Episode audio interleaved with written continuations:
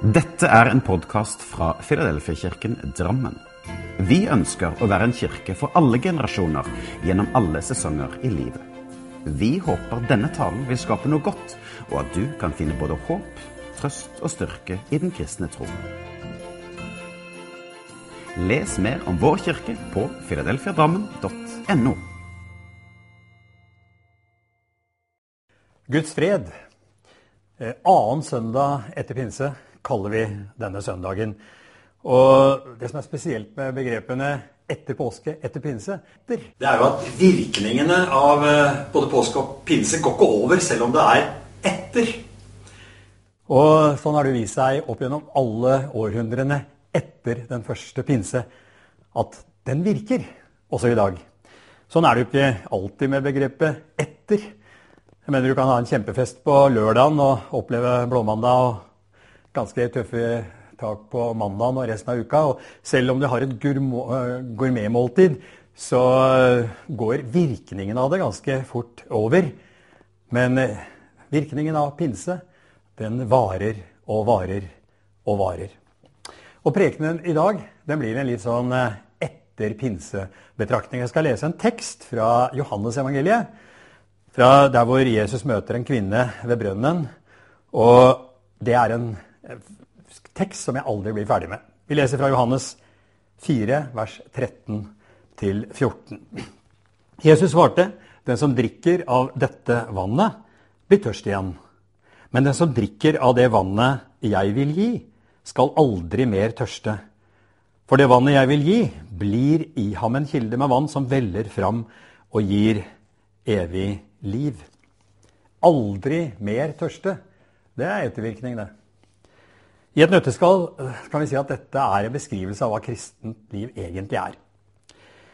Og så liker vi å tenke at sånn er det alltid. Og det, sånn, det var med vitnesbyrdene da jeg var ung, husker jeg, og barn.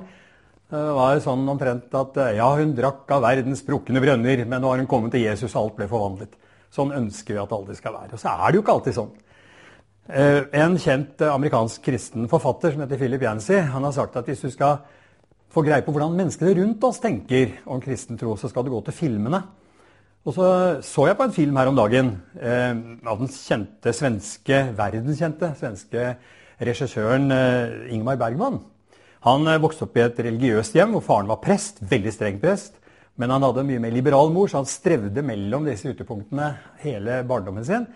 Og filmene hans har også preget mye av religiøs grubling. Og den siste store filmen han laget, den heter 'Fanny og Alexander'. Sikkert noen av dere som har sett den, særlig rundt juletider. pleier den å gå på norsk TV. Og Den beskriver jo denne store familien Ekdal, som var teaterfolk. Og en julefest starter denne filmen med. En utrolig julefest med farver, med dekkede bord, med drikke, med dans, med glede. Det er til de grader en herlig fest. Men der er ikke Gud. Så dør eldste mann Ekdal og den unge enka og de to barna Fanny og Alexander blir oppsøkt av biskopen, som kommer og kondolerer. og Etter en tid så frir han til enka, og så flytter de fra Ekdalhuset og inn i bispegården. Og den er grå, du ser steinmurer, den er trist. Den er på alle måter en kontrast til det ekdalske hus. Der er det strengt og masse regler. Men der er Gud. Hvilket hus tror du folk velger å bo i hvis de fikk velge det ekdalske hus eller bispegården? Det er ikke tvil. Det er bare sånn det er. Og det bildet veldig mange har av den kristne troen, at det er som i bispegården. Hvordan skal vi få folk til å begripe det jeg tenker at de som tror på Jesus, tenker og tror og mener om den kristne troen? Hvordan skal vi få folk til å begripe det? Det er i alle fall vårt oppdrag å få det til. Det er vi som må bygge den broen, eller bane den veien til folks bevissthet, til folks forståelse. Det er vårt ansvar. Og det ser vi allerede fra den første pinsedagen, som vi har feiret nå når det var pinse. Det var at de reaksjonene som kom på det som skjedde, de ble møtt på en utrolig spennende måte av de kristne, nye kristne lederne, Peter f.eks. Eh, det var sånn at de fortalte dem hva som skjedde, og så sier de eh, til eh, apostlene. Men vi skjønner det jo. Vi skjønner det, for vi hører det på vårt eget språk. Pinsens DNA ble vist allerede denne første dagen ved at folk forsto det som skjedde. Det er nesten som de sa vi skjønner ingenting, for vi skjønner alt. De skjønte det. De hadde altså fått et nytt språk. Vi kan eh, gjerne spørre oss selv hvilket språk trenger vi i dag for at folk skal skjønne, forstå og begripe den kristne troen? Ja, Det må hver av oss svare på i den sammenhengen vi er. Etterpå da så står det at de møtte fordommene deres med ganske logiske argumenter.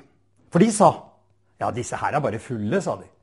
Da står Peter fram, og så bruker han logisk argumentasjon og imøtegår deres fordommer. Han sier 'fulle, nei'. Klokka er bare ni om morgenen.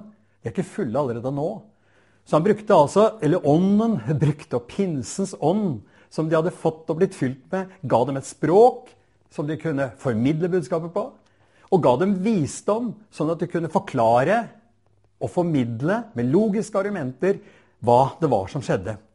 Og det igjen, dette at de på en måte utenifra, da, folket som hørte på, fikk dette på denne måten, en god kommunikasjon og en god forklaring, det gjorde at ånden fikk ta tak i deres hjerter og dypt inni dem skape et stikk, står det. Det stakk dem i hjertet enn i samvittigheten. Så de spurte etter hvert hva skal vi gjøre da for å bli frelst. Og så fikk de høre budskapet om Jesus. Det er ganske interessant at allerede på den første pinsedagen så fikk de en kommunikasjon som gjør at de kunne møte menneskene med både en, eh, et språk som de forsto, og en kommunikasjon som forklarte og motbeviste deres fordommer.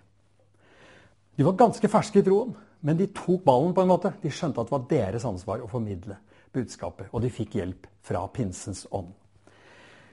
Og Akkurat sånn er det jo her i den fortellingen som vi henter teksten fra, her fra Johannes 4. Jesus han tar ansvaret for å møte en eneste, et eneste menneske, denne kvinnen ved brønnen. Det er faktisk sånn at Før han kommer hit til brønnen, så bryter han mange grenser. Eller bygger mange broer, om du vil, for å nå fram til henne. For det første går han inn i et fiendeområde. Det vi i dag kaller Vestbredden, var jo daværende Samaria. Og vanligvis var aldri jøder der. Det var ikke noe forhold mellom samaritanerne og jøder. Så så, så, egentlig så går Jesus feil vei. Han går inn på forbudt område. Og når han først sitter ved brønnen og kvinnen kommer, så starter han en samtale som også blir helt feil. For han har ikke lov egentlig til å snakke med en kvinne. Han som en rabbi. Og det tredje var at hun var jo en såkalt dårlig papir, en fallen kvinne. En som eh, hadde levd et, eh, et liv som ingen hadde lyst til å være i nærheten av. Så Alt det Jesus gjorde den dagen, var i grunnen feil. Men han gjør det for å møte mennesker. Og han gjør det for å oppsøke en fortvilet sjel. Det står faktisk at han måtte gå gjennom Samaria.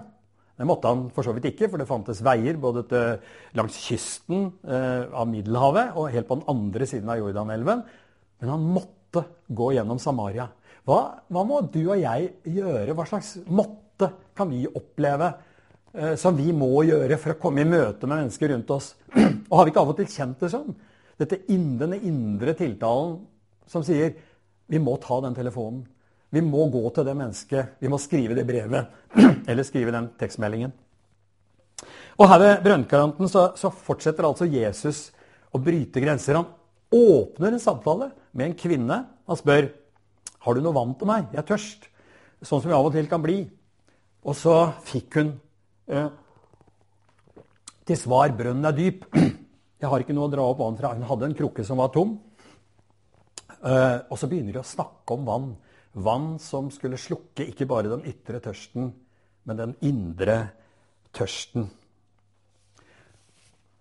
Og så kan vi si at når Jesus på denne måten har brutt vei inn til et medmenneske, åpnet en samtale, så stopper han på en måte denne, denne veien for å bryte seg vei mot et menneske akkurat ved porten inn til hennes liv. For han som brøt altså så mange grenser for å komme fram til henne, han brøt seg ikke inn i livet hennes. Hele resten av samtalen er viser Jesus hvor respektfull han er overfor et medmenneske. Han kaster seg ikke over henne. Han venter faktisk til hun åpner livet sitt til sitt innerste smerterom. Jesus er aldri nedlatende, snakker respektfullt henne, med henne. Det er ganske tankevekkende, som vi også kan ta til oss for hvordan vi skal kommunisere budskapet med mennesker rundt oss. Men når samtalen til slutt er over, så har kvinnen glemt hvorfor hun egentlig kom. Hun hadde, hadde en vannkrukke på skulderen. Den ble stående igjen. Den hadde hun helt glemt nå. For nå hadde hun fått tak i noe som hadde fylt hennes indre på en helt spesiell måte. Hun har fått ny verdighet, nytt livsmot, en naturlig frimodighet som gjør at hun løper inn i landsbyen sin og så sier 'Kom og se en mann som har sagt sannheten om meg'. Hun får en ny mestringsfølelse. Hun er fri. Hun har fått oppreisning. Hun har rett og slett fått et helt nytt liv. Det er kristendom. Det er den egentlige kristendommen. Det er den som, som skulle ha vært i bispegården til biskopen som Fanny og Alexander og mora flytta inn i. Men uh, som folk flest tenker, der er det livsfiendtlig og livsfarlig. Men dette, dette som denne kvinnen representerer, det er den egentlige innersida av kristendommen. Jeg sa at Jesus var hensynsfull overfor henne. Men eh, han som var så hensynsfull og ventet til hun åpnet døra inn til sitt innerste rom og sin innerste smerte, han er aldri hensynsfull med seg selv. En dag så sier Jesus fiender, Se, han spiser med tollere og syndere. Han tok sjansen på å leve egentlig et ganske farlig liv. Det er som de sier, at eh, ja, så vi, vi, bruker dette gamle uttrykket 'Si meg hvem du omgås, så skal jeg si deg hvem du er'. Og, og Jesus han eh, omgikk feil personer. Så det er ganske interessant når du studerer Jesu liv, at så veldig mye av det han gjør, er feil etter datidens måter å tenke på. Se, han spiser med tollere og syndere. Han har også vanka med feil folk. Så på den ene siden Jesus bryter grenser til mennesker. Jesus bryter seg aldri inn i menneskers liv. Jesus er hensynsfull overfor de menneskene han møter. Men han er aldri hensynsfull overfor seg selv. Han er villig til å ta sjansen for å møte et medmenneske. Det er liksom kristendommens utgangspunkt og kristendommens kjerne. Som sagt, det er vårt ansvar å bygge bro til menneskene rundt oss. Og I fortellingen vår så er det altså sånn at Jesus starter samtalen Kvinnen er ikke den som tar ordet først. Hun hadde kanskje mer lyst til å stikke av. For hun orket ikke flere stikk fra mennesker. Men han begynner altså å snakke om vann. Og så kommer de i gang med denne dype samtalen om et annerledes vann, en annerledes kilde, pga. en annerledes tørst. Jeg begynte å si at virkningen, ettervirkningen av pinsen er noe av det mest påfallende ved kristendommen. Og La oss se litt nøyere på hva denne teksten inneholder, som vi leste. Den handler altså på den ene siden om korttidsvirkning. Den vannkroka kvinnen hadde med seg når hun kom, eh, den representerer eh, helt naturlig den korttidsvirkningen som vann eller mat eller alt det vi ellers bruker og trenger i denne verden, har. Det virker en liten stund. Må, hun måtte til brønnen om igjen, og det måtte jo selvfølgelig etter dette også. Men samtidig så forteller denne teksten om en langtidsvirkning en, fra en innvendig kilde som hun skulle få av Jesus. Vi kan si det sånn at pinsen handler om å få kontakt med denne evige kilden, eller å få innlagt vann, om du vil. Eh, jeg husker når jeg var barn, så vokste vi opp eh, litt ute på landet, og vi hadde brønner. Og det var innlagt vann i huset. Men brønnene var litt ustabile. Jeg husker faktisk at jeg var med og Jeg sier brønner, for det var to. Eh, den ene var der fra før jeg ble født. Men så var jeg med faren min og gravde ut den andre brønnen. For det var litt, litt sånn tilfeldig med kildene rundt disse brønnene. Eh, men ofte gjennom hele vinteren så var de fulle av vann. Men når tørkesommerne kom, så selv om det var to brønner, så gikk de faktisk tomme. Så ustabilt var det. Så jeg kan huske hvordan sånne tankbiler, vannbiler, kom hjem på tunet hos oss, rulla ut svære slanger, putta i brønnen og fylte de opp. De trengte altså hjelp utenfra, for brønnene var ustabile. Og kildene var ustabile. Og så hadde vi innlagt vann. Men pumpa som skulle dra vannet inn i huset, den var også ustabil. Så jeg husker at Av og til skulle mora mi rope 'Nå drar ikke pumpa'. Det var uttrykket hun brukte. Og da visste jeg som eldstemann at nå er jeg jobben sammen med faren min. Så det var bare å glemme leken, løpe ned i kjelleren, stå og være hantlanger med skiftenøkkelen og alt det med han med svarte fingre, plukka pumpa fra hverandre, satte den sammen igjen. Du kan tenke deg det øyeblikket. Og jeg tenkte og sa, kjære Gud, nå må det virke. Og så var det noe med lyden. Og da kunne vi si, nå drar den vann igjen. Sånn levde vi med litt sånn ustabil vannforsyning når jeg var barn. Men du kan tenke deg den forskjellen det ble når vi ble kopla på det lokale vannverket. Da ble det trøkk, da. Da var det slutt på ustabile tilstander, vannbil som måtte fylle brønnen, og en pumpe som dro dårlig. Da kom det permanent levering fra en annen kilde. Og For meg er det blitt et sånt vitnesbyrd om, om, noe av det guddommelige, noe av det store ved det å være en kristen og ha fått kontakt med denne kilden. I, I, vår tradisjon så er vi opptatt av dette med pinsens kraft, pinsens manifestasjoner. På en måte de fenomenene med pinse. Men jeg har lyst til å si til alle oss som er vokst opp i denne pinsetradisjonen, og som tenker på dette mer som fenomener, at pinse er mye mer enn et fenomen. Pinse er en relasjon til en person. Og tenk til det Jesus sier når han skal reise fra dem i det vi kaller avskjedstalen. Så sier han det at 'jeg vil be Faderen', og han skal gi dere en annen talsmann, for at han skal være hos dere for alltid. Ordet 'annen' på norsk ja, det kan bety det samme enten du har en, en kjole eh, og så kjøper du deg en annen kjole som er helt annerledes, eller du tar på deg en annen kjole som ligner, eller du ser en annen som har samme kjolen. Du kan bruke en annen om egentlig begge deler, både noe som er likt eller noe som er ulikt. Men på gresk så er dette ordet veldig spennende, fordi at det Jesus sier her 'Jeg skal sende dere en annen som er nøyaktig av samme slag som meg', sier han. Altså, det er det dette ordet betyr. Så når Ånden kommer, så er det nøyaktig den samme som Jesus. Han skal sende dere en annen lik meg, som skal være hos dere bestandig. Og Det er altså en person. Denne kilden er en person. Og For å bruke et veldig enkelt bilde så har jeg av og til lagt merke til Jeg så det senest på TV for noen dager siden. Har du sett sånne, eh, sånne vakter eller bodyguards eller sånne som følger kjente personer? Så har de en sånn ledning til øret. altså Du ser en sånn ledning som går inn i øret. Og så, Hva er det den forteller om? Jo, de har kontakt med en annen kilde. En, kanskje en som sitter og følger med hvor de er, og sier nå må du gå dit, nå må du gjøre det. Det fins altså en røst, en stemme, som snakker inn gjennom den proppen i øret. En, et, et, et, så de får en eller annen melding om hva de skal gjøre. Og Da jeg så det, så tenkte jeg det har vi fått også. Ikke en propp i øret, men vi har fått noe i hjertet. En kilde, et levende nærvær som snakker til oss. Og jeg tror jo det at når Jesus går denne veien denne dagen til denne kvinnen, så er det denne kilden, på en måte ikke proppen i øret, men denne stemmen innvendig fra, som leder han, som gjør at han må gå inn i Samaria, sette seg ved brønnen denne dagen. Og, og faktum er at det fins utallige vitnesbyrd, og kanskje du selv har opplevd også, denne, denne indre tiltalen som sier, som jeg sa i stad, jeg må ta den telefonen.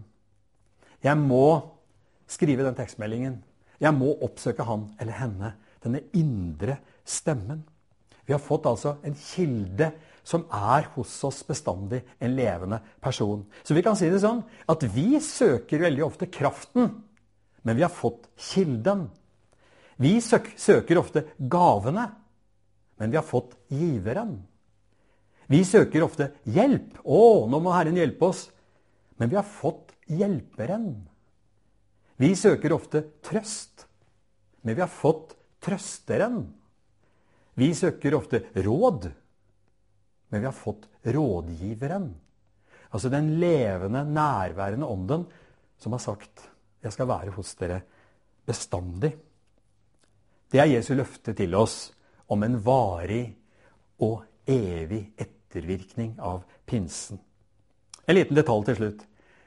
Jesus sa noe som gjelder oss han snakker om kilden som hun skulle få, dette nærværet. Og så sier han en interessant liten setning. Den som drikker av det vann jeg vil gi. Det er vår del.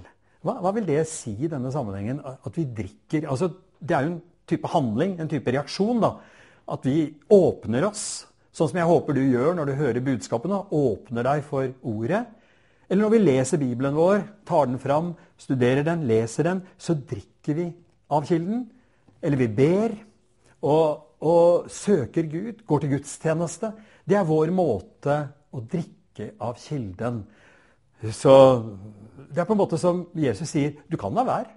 Du kan la være å benytte det, du kan la være å lytte. Men hvem av oss vil ikke ha denne kontakten, denne, dette nærværet, denne hjelperen som skal være hos oss og vise noe om at han er hos oss bestandig? Så kan vi si at eh, Jesus han eh, gir oss på mange måter denne gaven. Han gir oss også dette oppdraget å lytte til denne stemmen. Og, så kan vi noen ganger, og det er vårt, vårt oppdrag å bygge bro til menneskene rundt oss. Så kan vi noen ganger tenke at det der er litt krevende òg.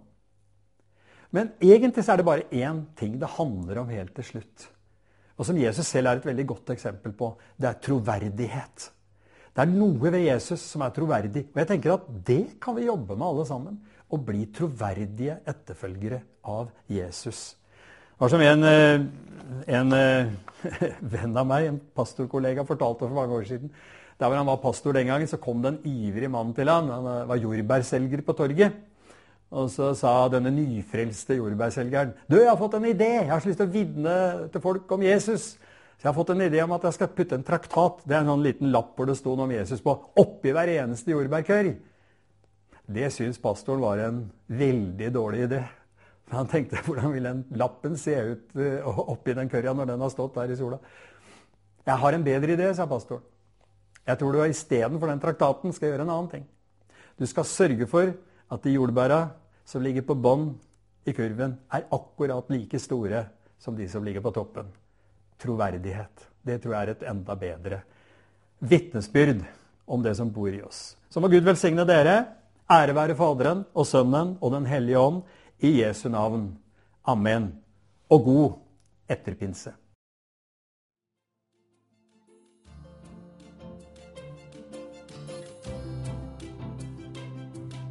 Som en avslutning på denne podkasten ønsker vi å lyse Herrens velsignelse over deg. Herren velsigne deg og bevare deg. Herren la sitt ansikt lyse over deg og være deg nådig. Herren løfte sitt åsyn på deg og gi deg fred.